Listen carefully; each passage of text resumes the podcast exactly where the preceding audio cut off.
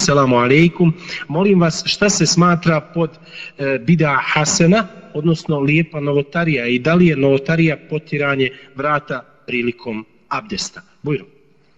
Pod lijepom novotarijom smatra se, na primjer, korištenje telefona, korištenje kompjutora, aviona, tehnologija, ekonomija. To su sve lijepe novotarije koje su pohvalne i koje ljudi trebaju koristiti.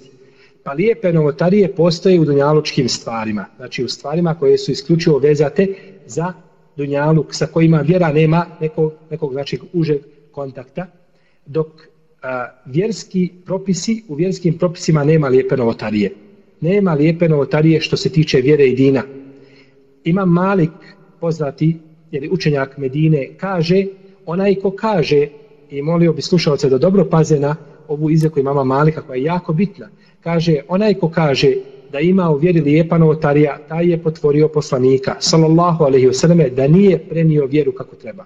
Znači ima nešto lijepo što Allahu poslanik sallallahu alaihi wasallam nije nama dostavio. Dakle, nema lijepe vjere u novotariji. Svaka novotarija u vjeri je ružna, a lijepe novotarije mogu biti u dunjaločkim stvarima.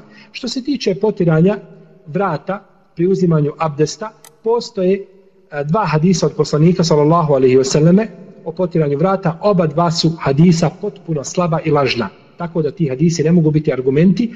I imamo hadis kod imama Ebu Davuda, koji ima dobar lanac prenosilaca, da je poslanik sa osanem jednog dana se abdestio i pravo svoje dijelove po tri puta. I nije potrao vrat, nigdje nije spomenuto potiranje vrata i nakon abdesta je rekao, ovo je moj abdest, Femen zade alejhi pekad esae o te adda o zaleme, ovako se treba abdestiti. Ako doda na ovo, ako doda na ovo da je granicu prekoračio, ružno postupio i nepravdu činio. Pa bi znači, shodno ovome hadisu, potiranje vrata bilo prekoračivanje granica i bila bi nepravda koju je poslanik sa osam zabranio, stoga nije pohvalno i nije potrebno opće potirati vrat pri uzimanju abdesta, a uzvišeni Allah najbolje zna. I to nije bila također praksa poslanika sa osam, niti ashaba, niti o tome ima išta vjerodostojno.